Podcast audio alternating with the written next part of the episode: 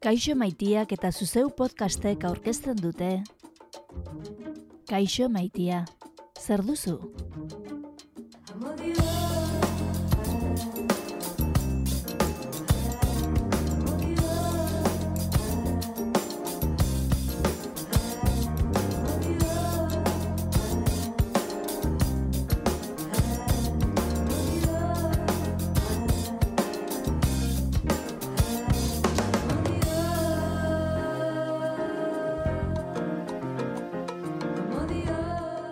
Kaixo maitia, zer duzu?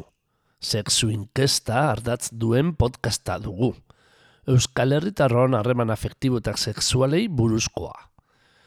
Kaixo maitia atariak 2006an egin zuen lehen aldiz ikerketa.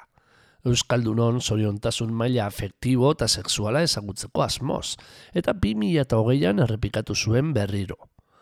Azken honen emaitzak dira orain mintzagai ditugunak, harremanak osasun zentro integraleko olatz beraztegi seksologo eta psikoterapeutarekin eta kaixo maitiako inigo arandiaren laguntzarekin.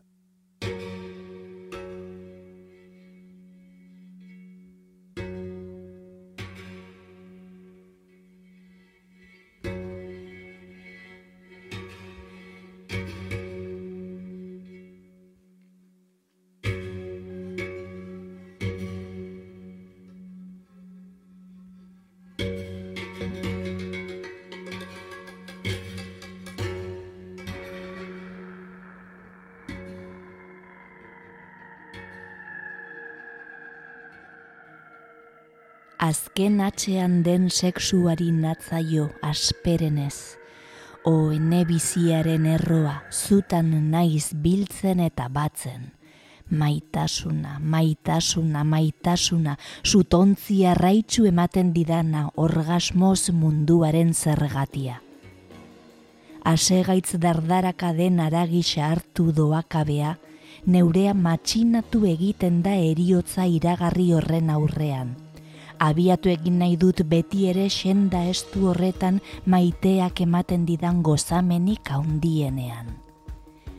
Bihar sekula ez, egun bertan nork daki, izosten zait zaina, suntxitzen plazera adaketa gozatxu amaitu baino lehen espasmoak koroa dezala ene amaieraren unea eta horrela alden nadila izatasuna sasoiko ezinbesteko mortua hasi zintzestatuz.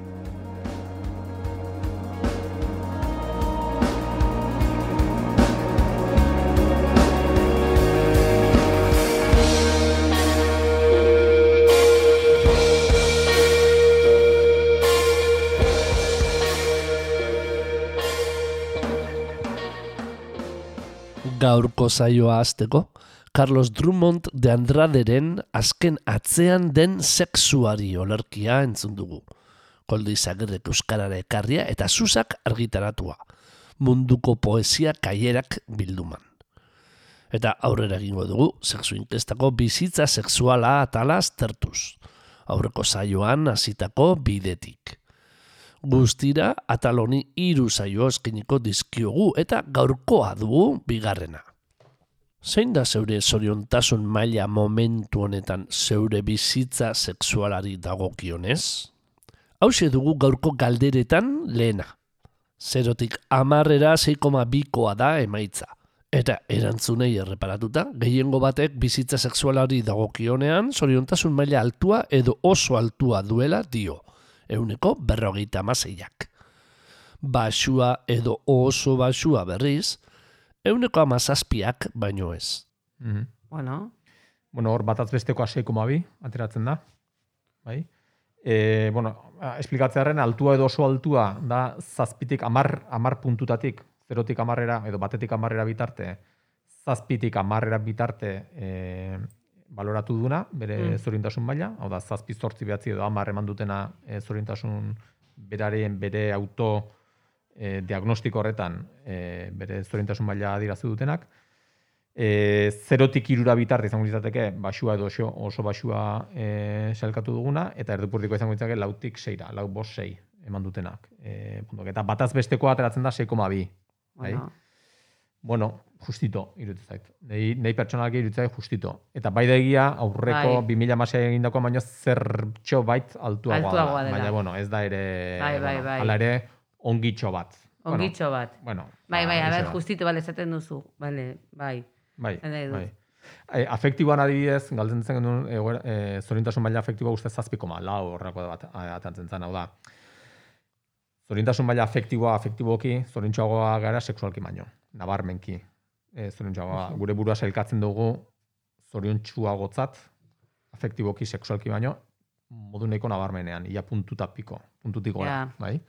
Claro, ni ba, gertatzen bueno. zait ez dut ikusten ze biak niretzat usta, biak bat egitu zezen nahi dut, ez? Niretzat oso zaila da sexuala eta afektiboa, ez? De hecho, batzutan baditu afektibo egin behar duzuna sexualari beste kutsu politagoa tema, ez?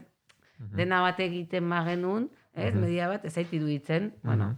justu egia da, ez? Biak ustartzen baditugu, aterako zen alata guzti zei eta iruditzen zait, bai, posible dela, Mhm. ez? Posible dela pizkat gehiago puntuatzea, edo ez behintzat merezi du, ez? Merezi dugula beste valorazio batekin bizitzea. Bai. Beraz, Euskaldunon erdiak baino gehiagok zoriontasun maila altua edo oso altua dute bizitza sexualari dagokionean. Eta emaitzak orain lau urtekoak baino hobeak dira gainera. Orduan baino euneko sortzi gehiagok baitute zoriontasun maila hori. Eta egun zerotik amarrera 6,2koa bada emaitza, 2006an, bost koma sortzikoa zen. Oberantz goaz, antza. Bai. Laginarekin ez ikusi izan dezake, eh? E, maitza Bai. baina, bueno, bai. bai, lagin, bueno, nik uste dut, agian bai egidazuk esaten duzuna, ez, datu, laginarekin, baina agian ere, ez dakit, ez, eta oraindik eh, ematen dut. Gerta daiteke ere, ba, bueno, ez, gehiago ali garela hitz egiten, ba, ez dakit, sexualitateaz, oriontasuneaz, korputaz, plazerraz, eta agian jabetzen ari gara, ez, horrek zeragina duen. Nei zortzi puntu igotzea lau urtetan, e, Laginarekin. asko, asko, eta gainera aztikarekin eta komentatu gendun, eta bai izan dezake pixkat e, Laginarekin, hortik bai. Bueno, Nei hemen, adibidez, eh, atentzio ditu edana, em, adinarekiko edo sexuarekiko hasten garen begiratzen datu hauek, ez dira gehiegi aldatzen. Osea, ez dago, ez dago eh, adinarekiko adibidez eh, diferentzia hundirik eh, Ja. maila afektiboarekiko, bai? Eta sexuarekiko ere apenas. Ba, ba, gizonezkoak zerbait eh, Ba, uniko, ba, 6, bat, batzaz beste, eta emakumezkoak 6,4 zorintasuna. Zoriontxoagoak Bueno. dira emakumezkoak. a begira. E, eta adinarekiko badirudi zerbait zoriontxoagoak diala, hogeita mar, berrogeita lau adin tartekoak. Bai, badauka zentzua, gero grafiko bate badago, pixkat, neurtzen saiatu gala e, adina eta zoriontasun maila sexuala, eta hor grafikoki representatzen. Eta badirudi, e, ba, hogeita behatzi urte adin tarte horren bueltan, ematen dela zorintasun maila maksimoa, esan dezagun, eta hor, e, bere garaian, uste, eta guen ere, hogeita behatzi urtekin uste zazpiko bat eraino iristen zan e, zorintasun maila sexuala. Eta, Bueno, ba, ikusi, ba, hori interesgarria da hori azter, esan nahi dut, ez? Esan nahi dut, ja berez, hori aztertzea adin konkretu horretan, ez? Ez daugarriak ditun ba, bizitza sexualak, esan nahi dut, ez? Hori interesgarria litzateke ikustea, ez? Agian zerekin lotzen duten zorio ulertzen da, ze aldagaiekin edo ze, bai, ze dauden hor laguntzen, zoriontasun maila hori igotzeko, ez? Zer dela eta hogeita bederatzi urtekoak, izan daiteke, ba, segurazki, esango nuke, karga gutxiok, ez dakit, ez? Claro, hor, e, karga gutxiokin bizitzen duzu zure bizitza, zure sexualitatea, zure harremanak. gaztaroak grinarekin ere lotu izaten da eta neurri batean harritu gaitu. Gazte jendea izatea bizitza sexualarekin zoriontasun handiena agertzen duena. Posten gara, jakina. Bueno, nik uste azteko fizikoki ere, badaukazula, bueno, ja, azteko ja baukazu esperientzia sexual Hori izan behar nuen. luzeago bat, e, eta agian ez hogei hogeita bat, eta agian orain dikan ere, pues, bueno, grin, askotan ere grina horrek, oda, behar gehiago horrek, maiztasun gutxiagorekin ere sortzen dizualako Frustrazio. frustrazio hori. Eta igual hogeita batzekin badaukazu, ba, leheno komentatzen da, esplorazio fase luze bat eukidezu, eta gero lagun pare bat, heldutasun, beste heldutasun badaukazu, Bai. eta bueno, eta ez daukazu igual, behar bada, e, ba, ba, bikotekiderik edo denakoa. Hala ere, e, sailkapena egin dugunean, edo pixkat aztertu ditugunean, e, e, zearekiko, e, egoera zibilarekiko, zoriontsunak dira bikotekide dunak e, direnak, zazpiko mabi, e, ko batazbesteko zorintasun maila seksualarekin, ezkonduak jarraian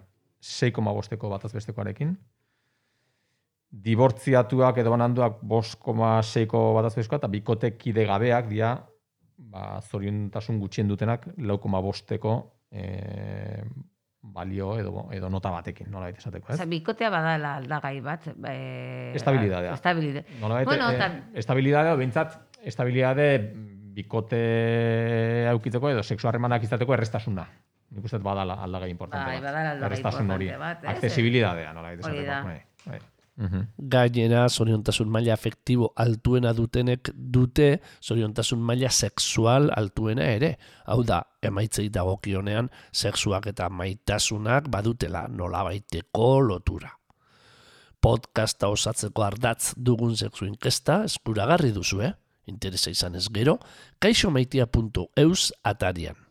Bertan jeitzi daitekeen txostenean, mintzagai dugun hogeita maika garren galderak, badu grafiko interesgarri bat irurogeita masik garren horrialdean. Sexu harremanen maiztasuna aztertzen da bertan. Batetik errealitatea eta bestetik naia edo desioa kontra jarriz, eta emaitzak zoriontasun sexualarekin alderatuz. Gogoratu entzule. Euskaldunok astean behin ditugula harreman sexualak, bataz beste. Eta astean irutan izan nahiko genituzkeela, desio ditugula. Berbagai dugun zoriontasun maila aldiz 6,2koa da, bizitza sexualari dagokionez. Basikoki, hemen jartzen duna da, eta guendala lau urte asko da. Hemen, hemen dago, arroxa dago, eskubira, distribuzioa dago, eskubira bolkatua dala maiztasun gehiago, naia dago maiztasun gehiagon, realidade dago ezkerre dago, hau da, maiztasun gutxiagon dago errealidadea, hor dago, e, bueno, pues hor gutxuneak daude, osea, hor badaude itzal batzuk esan dezagun, eta gero dago zorintasun maila. Eta zorintasun maila. bizitza, ez? Bai, bai, bai. Esan nahi dut bizitzan, ez zuk esan duzuna, desioa beti, eske, pausu bat aurrera go, eskerrak, bueno, eske hor- hori da pixka bat, ez? E, Oso interesgarria da grafikoa, eta egia esan, etzaigu eskerrezkuin desio versus errealitate oso desorekatua ere begitan du. Bueno, Inigo bai. bueno, puntu bateko diferentzia, ez esan dizut, euneko eh, 6,2 zorintasun maila, hau da, ma, maiztasuna bataz beste bat, eta naia hiru aldiz. Osea, ez Bai, baina hori, nik, ere- zuk ere, nik ez, ez dut ikusten hain...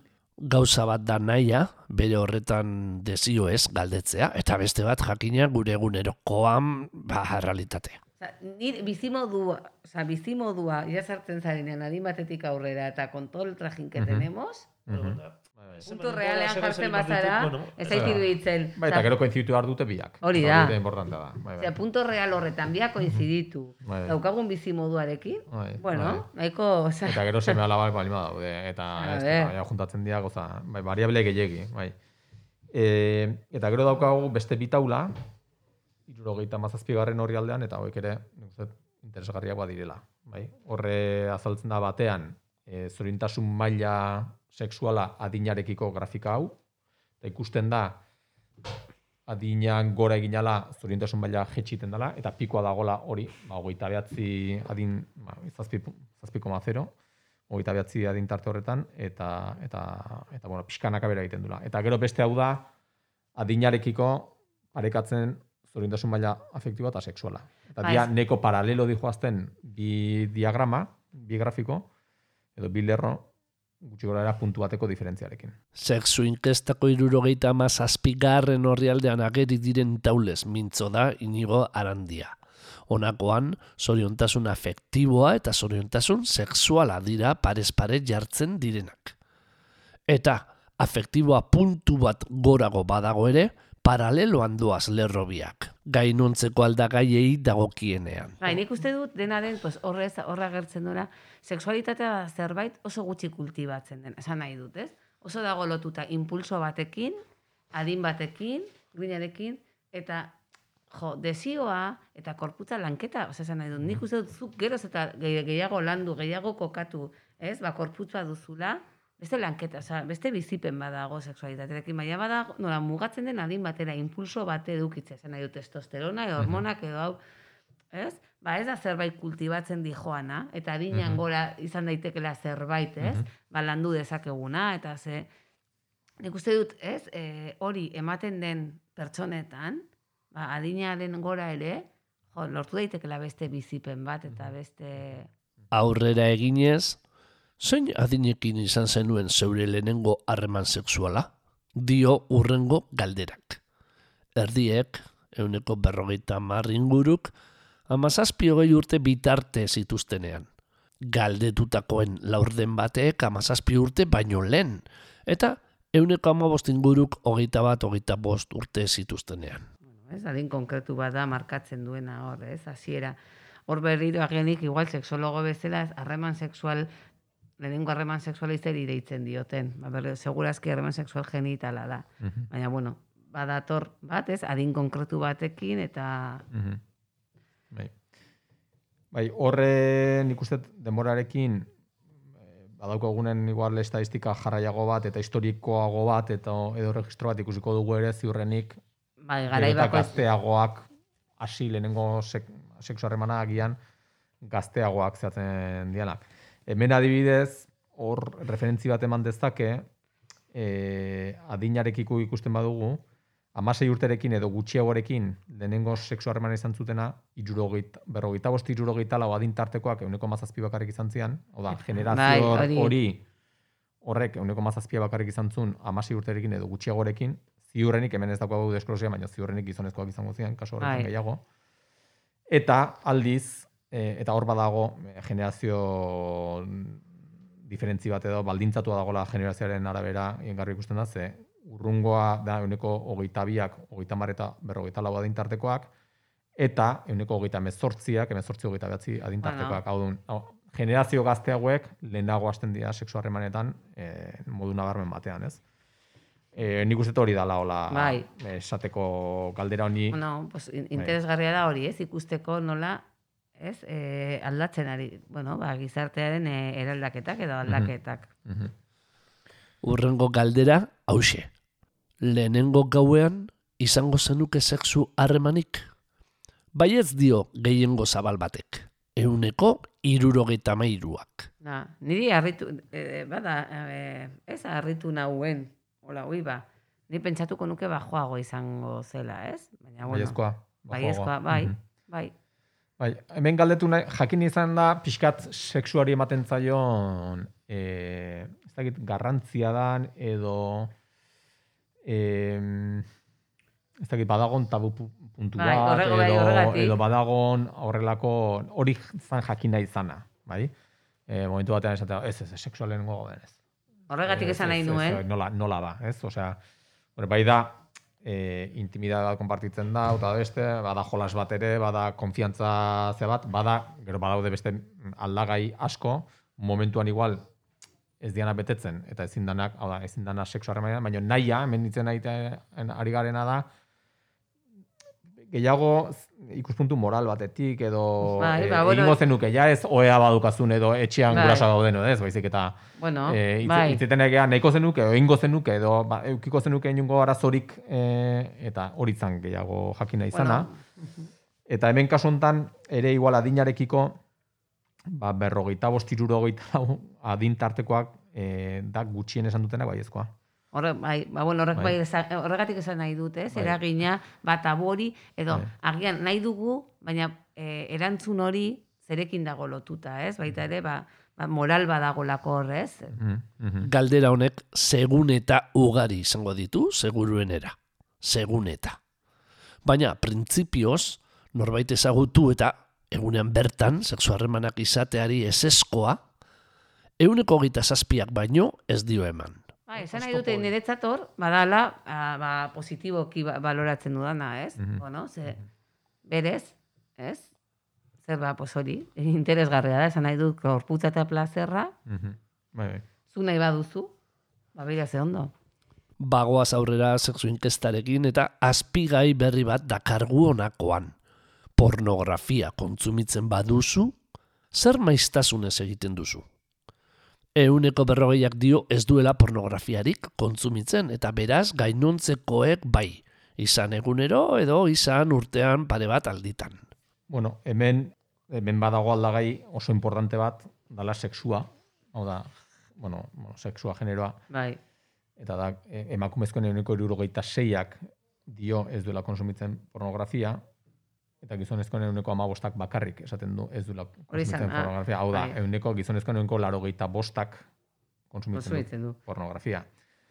Bai, E, hor, bueno, zuko beto jakingo duzu, baina hor ere pornografia eredua eta ze, ze pornografia mota edo zer Bai. dagoen, ze saltzen da, zene interesatzen zenek ekoizten duen, ze, ze, ze industria dagoen atzean, zein da Bai. atzailea, zer rol jokatzen duen pornografiaren barruan emakumezkoak, ze gizonezkoak, Bai. osea, hor badago, e, nik uste dut, e, luze itzen daiteken kontu bat, Em, hau datua bakarrik dira, hau da, datu, eta guk hori aurrera aipatu gendun ere, e, hasierako saioan naztikerreko eki izan zanean, aipatu gendun ere, nola hemen guk datua bakarrik ematen ditugun, galdetu egin dugu eta datua jarri dugu, eta horren atzean egon daitezken esplikazioak eta, ba, bueno, pues, guain aigia komentatzen, baina ez daukagu ikerketan e, hartuta zergaitik ez zergaitik hau da, Bai. emakumezkoa ez zaitzaien galdetu, edo gizonezkoa ere, ez zaitzaien galdetu zergaitik ez Bai. zuen ikusten. Ez? bueno, baina Eh, bai hori guk ikusten dugu, ez? Gure lanean egunerokotasunean zuk esan aipatu dituzun, ez? Egoera guzti hoiek eta aldagai guzti hoiek, ez? Ba, kultura nola eragon e, pornografian undikan eraikitzen eta ez, ez? Genitalitate mota batetik, ze beti ni nago, ez? Eh, Harreman sexual genitalak neskak ere ditugu eta neskak ere disfrutatzen ditugu gure genitalekin, baina askotan eredua edo e, visualizatzen dugun modua, ba igual, ez? E, oso eredu maskulino batetikan eraikita dago guzti hori, ez? Eta horrek, ba, nola bai, bai dauka eragina guari gara ikusten, ez? Konsumoa asko ari da igotzen pornografiarena gazteen artean, bueno, alde bat eh, adierazten du, ba, eh, badago, behar bat, gogo bat, beste gauza bada horrekin, zer edu dagoen, ez? Ba, ikusgai dagoen bakarra. Nundik ari den berriro eraikitzen gure sexualitatea. Glaukomak kantatzen du, gero entzungo dugu, pornografia izan da gure eziketa sexuala. Izan ere oso eskuragarri dugu gaur egun. Hor adibidez, e, bueno, adinarekiko iziten nahi ganez, egunero, pornografia egunero kontsumitzen dutenen artean uneko sortzia da, emezortzi, hogeita behatzi adin tartekoen, Hori da, bai, bai, bai. Ah, markatu alderantziz, emezortzi, hogeita behatzi adin tartekoen uneko sortziak kontsumitzen du egunero, bai? Eta da, e, bueno, e, portzentaiarik altuena adin tarte horrekin. e, Bai, eta jaitsiko bagenu, bai? ba- E, orduan, e, berrogeita bosti adin tartekoen uneko irukoma sortziak bakarrik konsumitzen du, bakarrik, egunero, ez? Bai, nik ez, eta, a ber, nik ez naiz oso, ez pornografia, ez dago kontra edo, ez dakit kontra, ez dakit kontra egon behar, ez da kontra edo, baizik eta, bueno, eredu bat da, ez? Eta gertatzen dena da, gero, es, gutxi esploratzen badugu, ez? Bat, bi, bikoteke, gutxi esploratzen badugu, gutxi baldin gaude komunikazioan bestearekin, ba, guk ere ez diogula horri nola biteko kontrastatzeko beste eredu bat, ez? Nola kontrastatzen duzu, ba, bestearekin harremanetan zaudenean, ez beste ikusten duzunean, bestearen beharrak zu begiratzen duzunean, horrek ematen dizu beste tempus bat, nolakoa izan daitezken harremanak mugimendua, korputzak, ez? Orduan, daukaguna da gutxi kontrastatzeko eta asko, ez? Material asko ikusteko. Hori da nik uste du desoreka, hori da gola gaur egun, eh? Gai honetan ikus dezakegunez desorek handia dago gizonezkoen eta emakumezkoen artean. Gizonezkoen euneko larogeita bostak kontsumitu baitu inoiz pornografia. Eta emakumezkoen euneko irurogeita bosta baita inoiz kontsumitu ez duena. Gainera, ez daki pa, gero gauza hauetaz naturaltasunez hitz egiteko gauza ere baote garen. Sexualitatea oso presente dugu egunerokoan, oso modu friboloan, sarri, baina familian lagunartean are bikote intimitatean ere kosta egiten da horrelako gaiez mintzatzea. Zalantza dut eziketan ere aurrera otegoaz. Bai, incluso, hori izan behar duzun, incluso pornografia horretaz ez dugu lasai esan nahi dut, ez? Batzutan, ba, nik ikusi dudanean, ez? Konpartitzen denean mutilen taldetan. Plan, mofa edo ez dakit, ez? Konpartitzen da ikusten dugu, baina ez dugu lasai hitz egiten horretaz, ez dakit. Nire gustatuko litzaidake, probatu daiteke ez dakit, ez? Guazen lasai hitz egitea bada, zerbait frivolitate batetik. Ez, Horregatik esate dut, ez dela in- eredu bat ere eredu egiten duguna, eta hortikan aizu eta postura hau, eta nola, eta ez dakit. Ez? Hau da, gero frivolizatzen dugu, hor dago, estitatzen gara horrekin, baina gero oso gutxi hitz egiten dugu seriotasun batetik edo lasaitasun batetik, ez? Ba, gustatzen zait beste, ez dakit. Mhm. Bai falta da hori, ez? Ados. Nik uste dut. Eta nik uste horrek ez eziketa sexualarekin Bai. ikusia, eta bai. eta nik uste badala, nik, sexualitatea guaindikan badauka ze hori, ez? E, tabu, intimo, pribatu, gauza pribatu bat, e, gauza bar, barura begirako bat, etxerako, ez da, eta ere oso publikoa da. Osa, Bai. e, osa, badago, e, a ber, nik uste oso publikoa dela, e, orokortasunean hartzen danean, baina norberari buruzkoa danean ez da publiko egiten. Bai, ez? oso E, exagerazio bai, batetik egiten bai, dugu publiko, bai, hori izan nahi nuen. bai. Osea, pornografia ere egiten dugu publiko oso exagerazio batetik, ez? Ba, pornografia, ba, irudiak, eh, harremana daude, baina horrek, beste trataera, menta, trataera bat izango balu, ez? Eta, be, eta hitz egitea horrek gure ganduen eragina, eta guk, eta gure gorputzetaz, eta, Mhm. jo, erabilgarria izan ziteke, baina beste gauza da hori, ez? Ba, txin, ze txinpartak eta sortzen dire, baina ze gutxi hitz egiten dugun lasaitasun batetik gutaz. Gazte izen ba omen zuten, okerrezpa gaude, eta egitasmoa sakonean ezagutzen ez bagenuen ere, porno eskola izeneko proiektu interesgarri bat, baina bertan bera bota zuten. Bertan bera gelditu zen, bai, bai, bai, ezagutu nituen, bai. Mhm. E, bazegon proiektu polita zen, baina hori da. Nik esango nuke ez dagola Bai. bertan bera gelditu zela.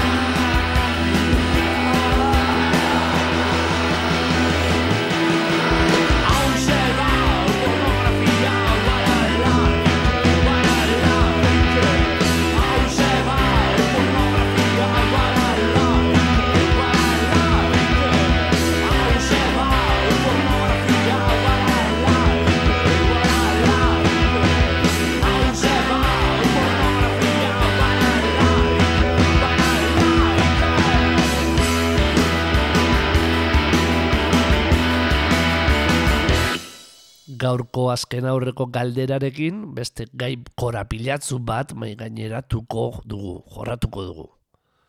Batzuetan, pertsona batzuek sexu harremanak izateko ordaintzen dute.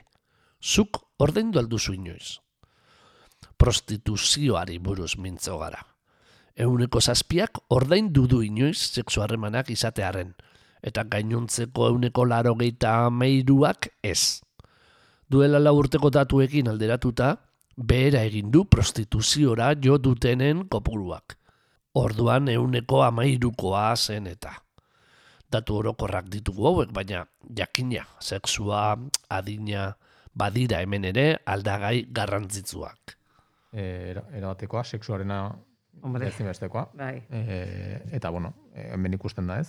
Inoiz ez du ordaindu emakumezkoen euneko laro gita meretzikoma zortziak, oda, euneko 0,2ak, emakumezkoen euneko 0,2ak ordaindu du inoiz, eta, eta gizonezkoen euneko laro zazpiak dio ez duela inoiz e, ordaindu, eta, eta gizonezkoen amabikoma behatziak baietz dio. Bai.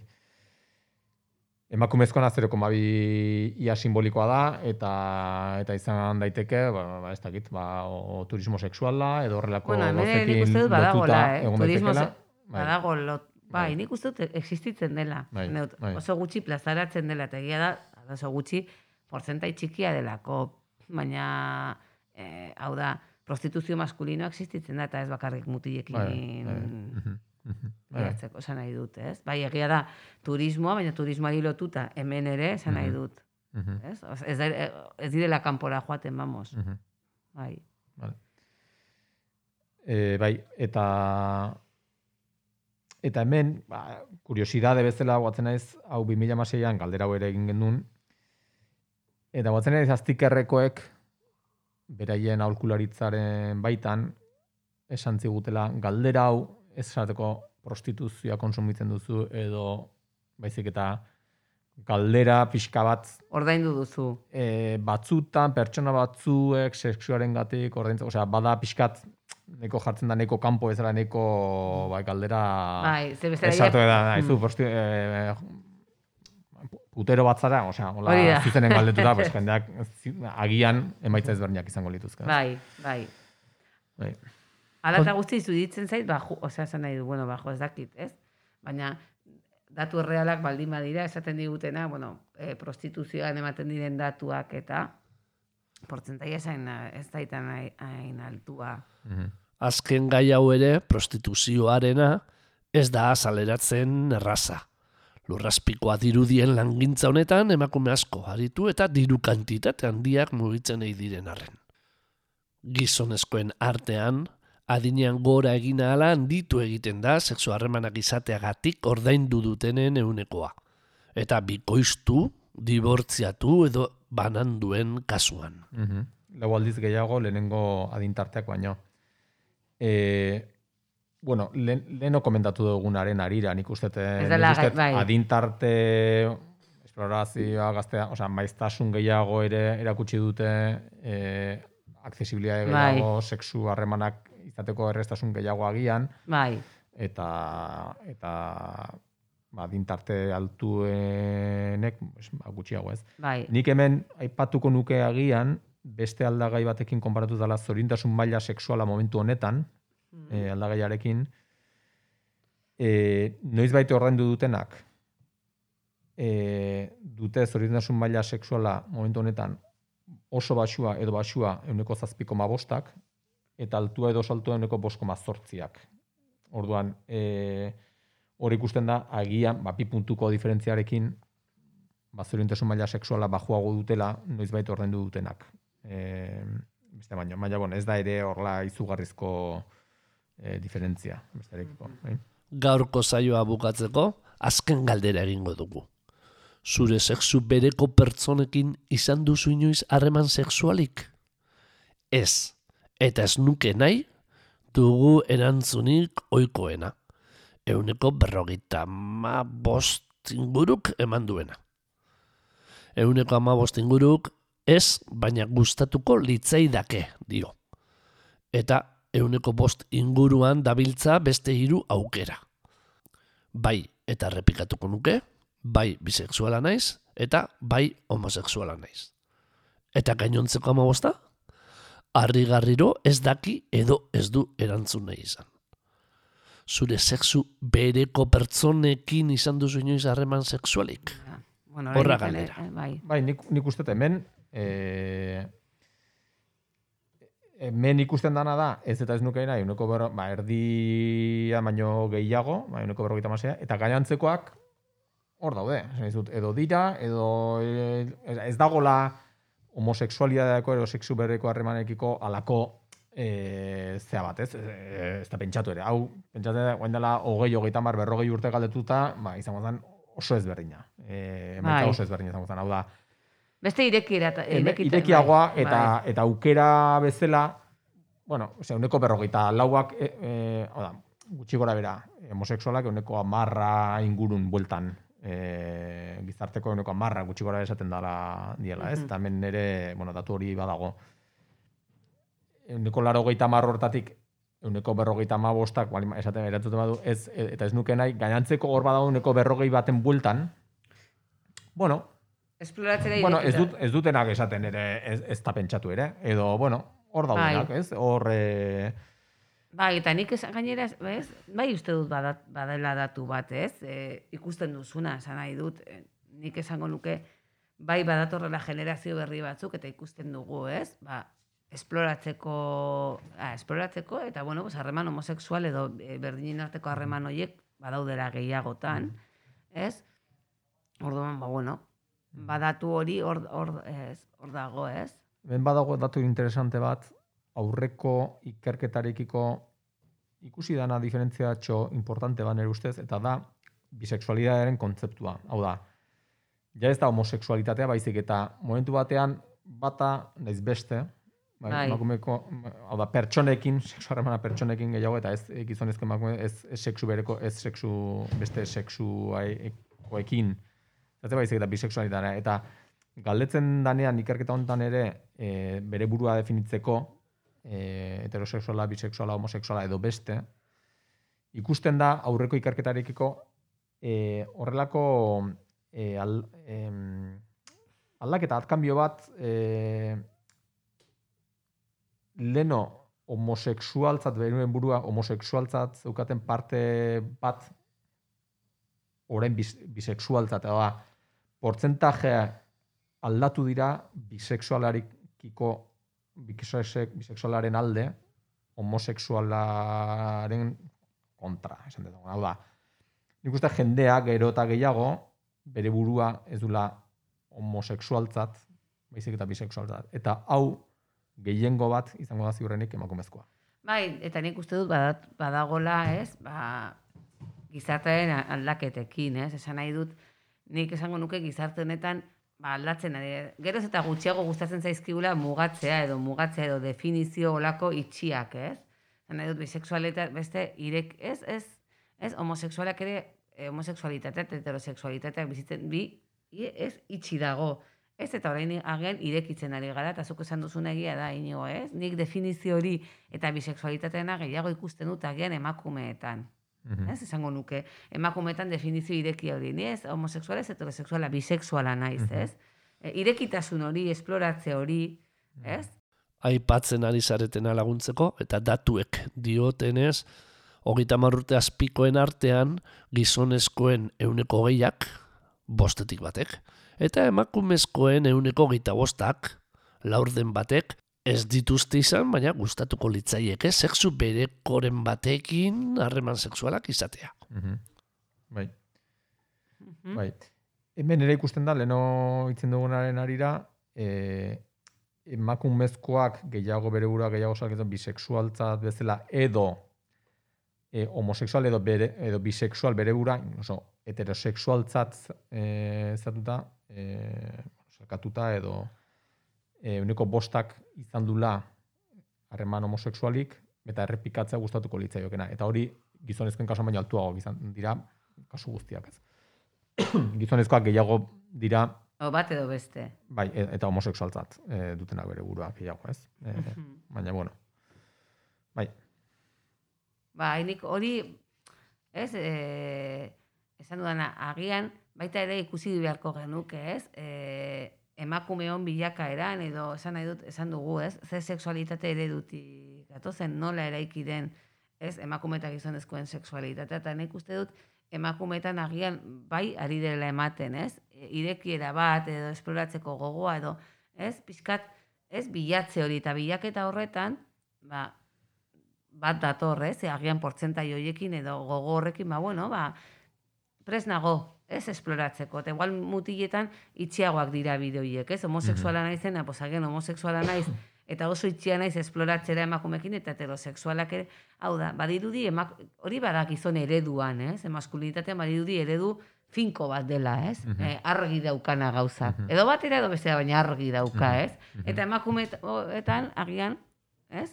Ba, nola eraikitzen edo femenito horretan, bueno, ez beste aukera batzuk ematen ematen zaizkigu edo ez dugu nolabait zalantzan jartzen, ez? Gure emakume izate hori eta mutiletan badago, ez? Bai batzak eta bai besteak direnak asko, ez? Ez ez ni homosexuala naiz edo ni heterosexuala naiz, ez? Porque asko esaten da heterosexualetatik, oi, heterosexualak ez dit ez dute esango eh, homosexuala diren, ja, baina homosexual mutilak ere ez dute esango inungo momentutan ez, emakume batekin, Mhm, bai, lagunak ja, eta bai, ja, baina ja, desio sexual hori, nahi dut, Mhm. aipatzeagatik, ez? Asko kritikatzen da, gian, eska mutil heterosexualak ko, kosta egiten zaie onartzea, ez? Ba, igual, Mhm. ba, beregin alde homosexuala, bai, baina alde homosexualei ere asko kostatzen zaie, Mhm. alde heterosexual badutela ere adiraztea. Emakumetan hori, lasaiago azaltzen edo lasaiago ikusten da aukera bat bezala esploratzeko. Mhm.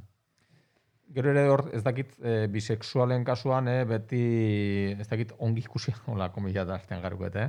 E, kolektibo homosexualen barruan ondi, ongi ikusi da bisexuala, bueno, azkenean, e, da, nik jendeari e, sailkatzea eta ez ez, o, o, o, o, homosexuala edo heterosexuala, biak ez, ez, bizkat, egon daitekela ze hori ere, ez? Em, horrelako... Bai, nik uste dut, agian, segurazki, kolektibo homosexualan bai, badago, ez? Claro, errebindikazio, pentsa nola bizi izan du diren kolektibo homosexual, orduan nola baiteko biztaraztea edo biza, eh, bizibilizatzea homosexualitatean, ba, bi, bisexualitate horrek emango atzera pausu bat izango baliz bezala, ez, venga, guazen definitzera, hemen hau biz, bizibilizatzea behar dugu, ez? Mhm. Gaurko lanak bukatuta hementxe itxiko dugu zaioa.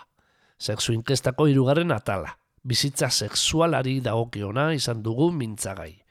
Eta guztira irudirenez atal honi eskeniko dizkiogun zaioak datorren astekoa izango dugu azkena. Leialtasunari buruzko atalari ekin baino lehen. Zaioa bitan banatzen Dr. Deseoren Tracy Lords entzun dugu pornografiaz mintzo zen kantua. Eta jarraian agurrezateko, lehenxeago aipagai izan dugun gure kaiola, glaukomarena. Genero rolak berraztertu beharraz mintzo dena. Eta tolosarren 2008ko kalima diskotik jaso duguna.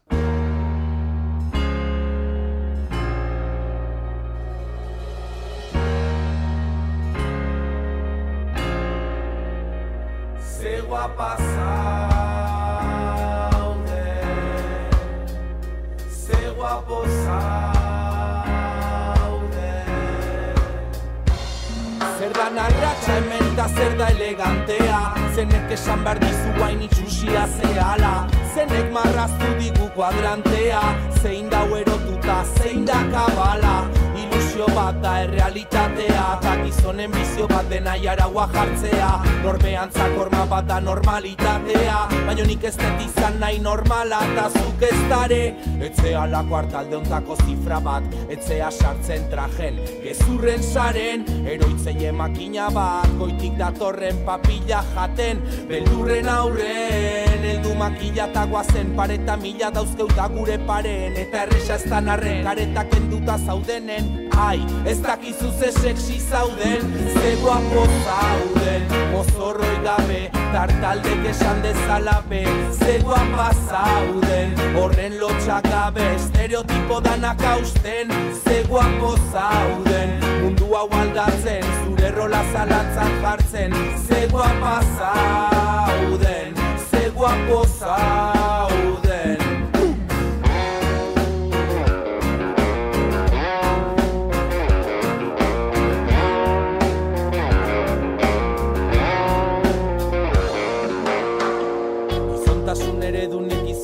zure matasun modelo barbi batzan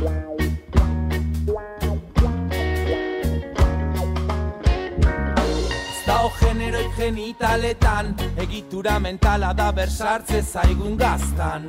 An, an, an, an, an, an Horregatik jartze gaitu edietan Da danak die barbildaken telebista talbizkarietan zaiteztu naurran begietan Disneyen maitasunaren fabula ipuñonera zieran Nortasunen banaketan zubo manetan iman bakoitza bere ziegan Nere ziketan dauden urrezko esietan Zure tiketak dauzken gezurrariketak Ta ere du bezala un figura patriarkala Pornografia izan da gure ziketa sexuala.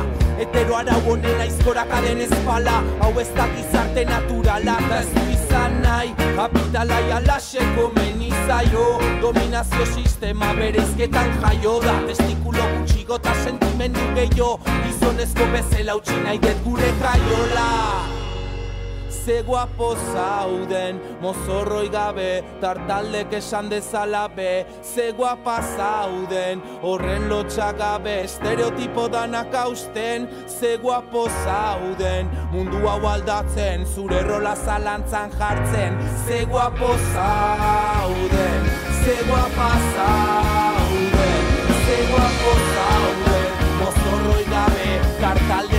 dezala be, ze guapa zauden txarrabe Estereotipo danak hausten Eze guapo